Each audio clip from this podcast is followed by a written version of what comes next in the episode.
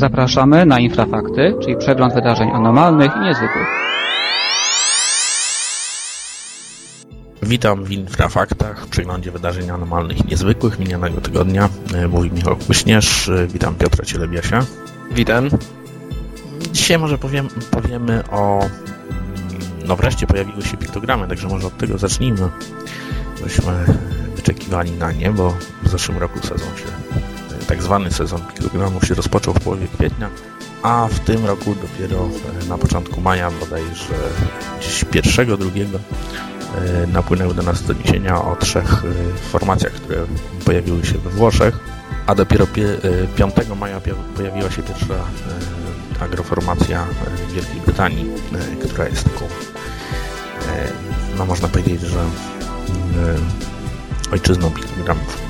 Dokładnie tak jak powiedziałeś, te piktogramy się pojawiły w tym roku trochę później niż zwykle i rzeczywiście Włochy wyprzedziły Wielką Brytanię, tam zwykle pojawiały się piktogramy dość wcześniej, e, zwykle w rzepaku, no ale co, co, co więcej można o tym powiedzieć, no ważne jest, żeby sprawę wyjaśnić, a tak naprawdę zdaje mi się, że od dłuższego czasu nikt się tym nie zajmuje, poza z, pod takim względem e, jak weryfikowanie prawdziwości tych piktogramów, a potem się okazuje, że w internecie ludzie ogłaszają, że to oni są autorami tego czy owego mm, kręgu, czy też lepiej powiedzieć formacji, którą uznano za nie do podrobienia. Te najnowsze formacje nie są jakieś zaskakujące.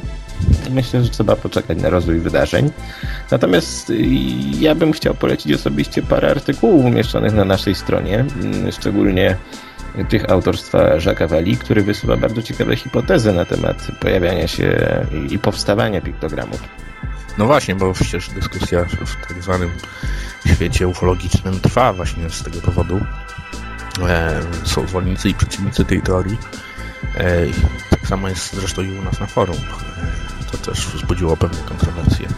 Jego twierdzenia o tym, że te agroformacje są efektem no, nie wiem, działania czy testowania jakiś, jakiegoś rodzaju broni. Zresztą mówiliśmy o tym poprzednio. Utarło się takie powiedzenie, że piktogramy mm, są e, tworami kosmitów, bo no, nie, nie można znaleźć e, nikogo innego poza ludźmi, którzy nauczyli się je e, również tworzyć, mm, odpowiadającego za, za ich powstawanie. No i tutaj Wali nam wyjaśnia, że tak w rzeczywistości to piktogramy mogą powstawać właśnie wskutek testowania mm, broni, którą kalibruje się po prostu na polach.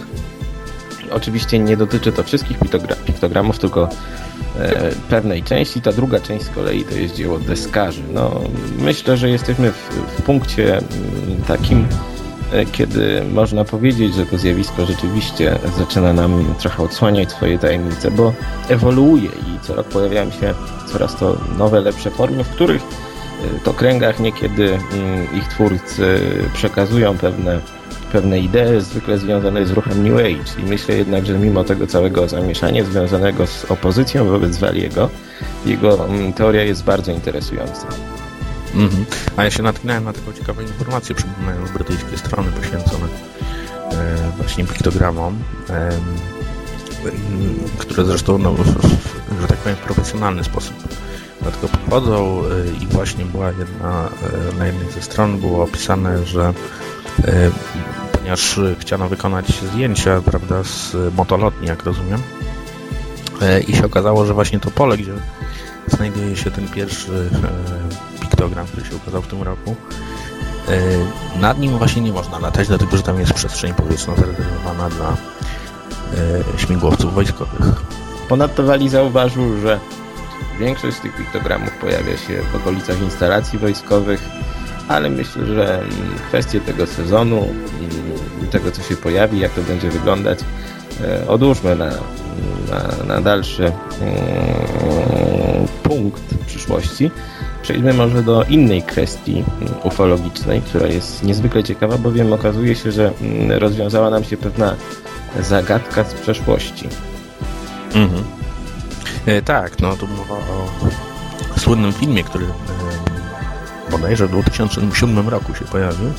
Pierwszy, bo to, była, y, to był pierwszy z całej serii filmów wykonany przez e, tureckiego stróża nocnego, który przy okazji był takim wideoamatorem. I podczas tego stróżowania e, filmował no, różne jego zdaniem dziwne obiekty.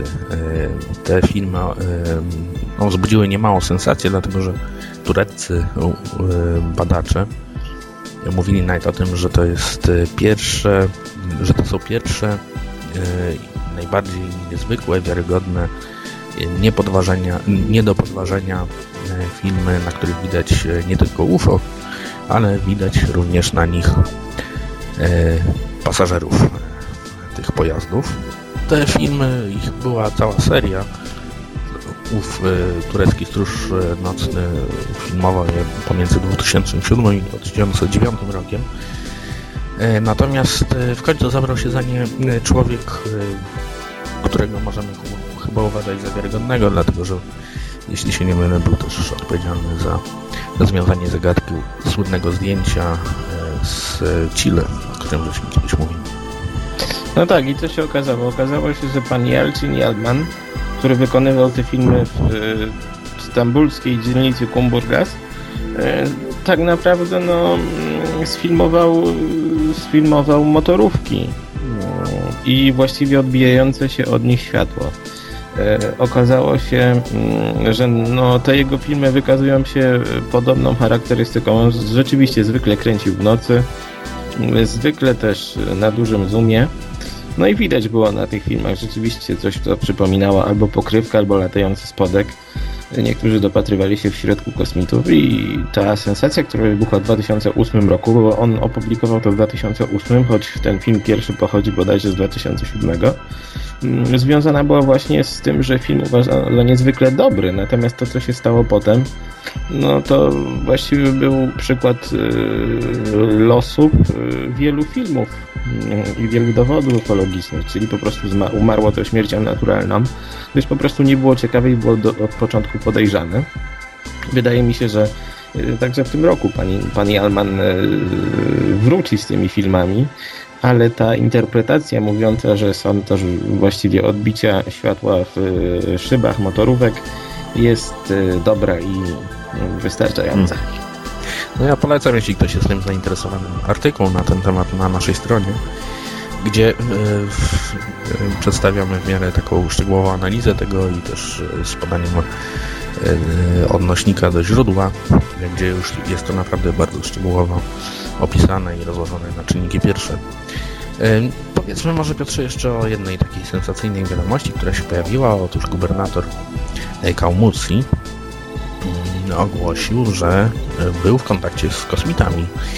Pojawiło się to w e, rosyjskiej prasie, e, znaczy w zasadzie w mediach internetowych bardziej. E, o dziwo, znaczy zostało to podchwycone przez zagraniczne źródła, jak to czasem bywa, polskie również. Polskie strony internetowe, które zajmują się z ufologią i tak dalej, no bardzo szybko to podchwyciły, a tymczasem te, te media mainstreamowe jakoś tak nie bardzo, no, z tego co patrzyłem. E, tak, masz rację, ale to było w przypadku, w przypadku Rosji. Natomiast u nas to się pojawiło w zasadzie wszędzie, tylko mm, no mało kto chyba zauważył, że po pierwsze pan Ilium Żynow jest e, nieco ekscentrycznym politykiem i szachistą, a po drugie, nie wiadomo dlaczego wyskoczył tak nagle z tą historią, która przecież jest dość stara. Bowiem zdarzyło się no właśnie, bo to dotyczy, dotyczy chyba 1997 roku, z tego co pamiętam. E, no właśnie, no właśnie. I co się okazuje? Pan Ilium Żynow spał sobie w willi w Moskwie, a tu nagle e, ktoś go zawołał przez otwarty balkon, e, wyjrzał, a tam kosmici ucięli sobie pogawędkę i tak dalej. E, co ciekawe, on mówi, że ma na to świadków. Jeżeli to prawda, to mm, byłoby bombowo. Natomiast ja myślę, że to był, jeżeli nie żart, to próba zdyskredytowania go politycznego lub też innego. Mm, trzeba to zawsze brać pod uwagę. Nasunęło mi to pewne skojarzenia z y, uprowadzeniem, tak zwanym, tak zwanym uprowadzeniem Lindę Napolitano, którego świadkiem z kolei miał być również wysoki przedstawiciel ONZ. Potem się okazało, że ta cała sprawa jest nic nie warta. Mimo wszystko mm, ta sprawa Ilium Żwynowa warta jest uwagi, y, ale chyba w takim kontekście mm, bardziej folklorystycznym lub społecznym, bowiem było wiele osób, które przyznawały, mm, osób publicznych, które przyznawały, że e, w taki czy inny sposób e, doświadczyły bliskich spotkań. Natomiast e, nie wyciągajmy z tego jakichś daleko idących wniosków. Ja nawet widziałem tutaj na jednej stronie internetowej słowa, że jest to wydarzenie przełomowe, prawda? Bowiem ktoś tak. wreszcie zdecydował się opowiedzieć o, o swoim kontakcie z kosmitami. Ja natomiast uznaję, że jeżeli to nie jest jakiś twór wyobraźni, to być może po prostu coś w rodzaju próby zdyskredytowania tego pana. No cóż, może na tym zakończmy. Jeszcze może powiedzmy o tym, że 10 maja mija rocznica wydarzeń pamięci, więc słynnego spotkania Jana Wolskiego z nieznanymi istotami mm, i jego wizyty w pojeździe, ale może temu poświęcimy oddzielną audycję. Także dziękuję Ci Piotrze i zapraszam ja również. Podczas audycji wykorzystano utwór CJ Rogersa pod tytułem Back to You na licencji Creative Commons, realizacja Grupa Infra dla Radia Wolne Media.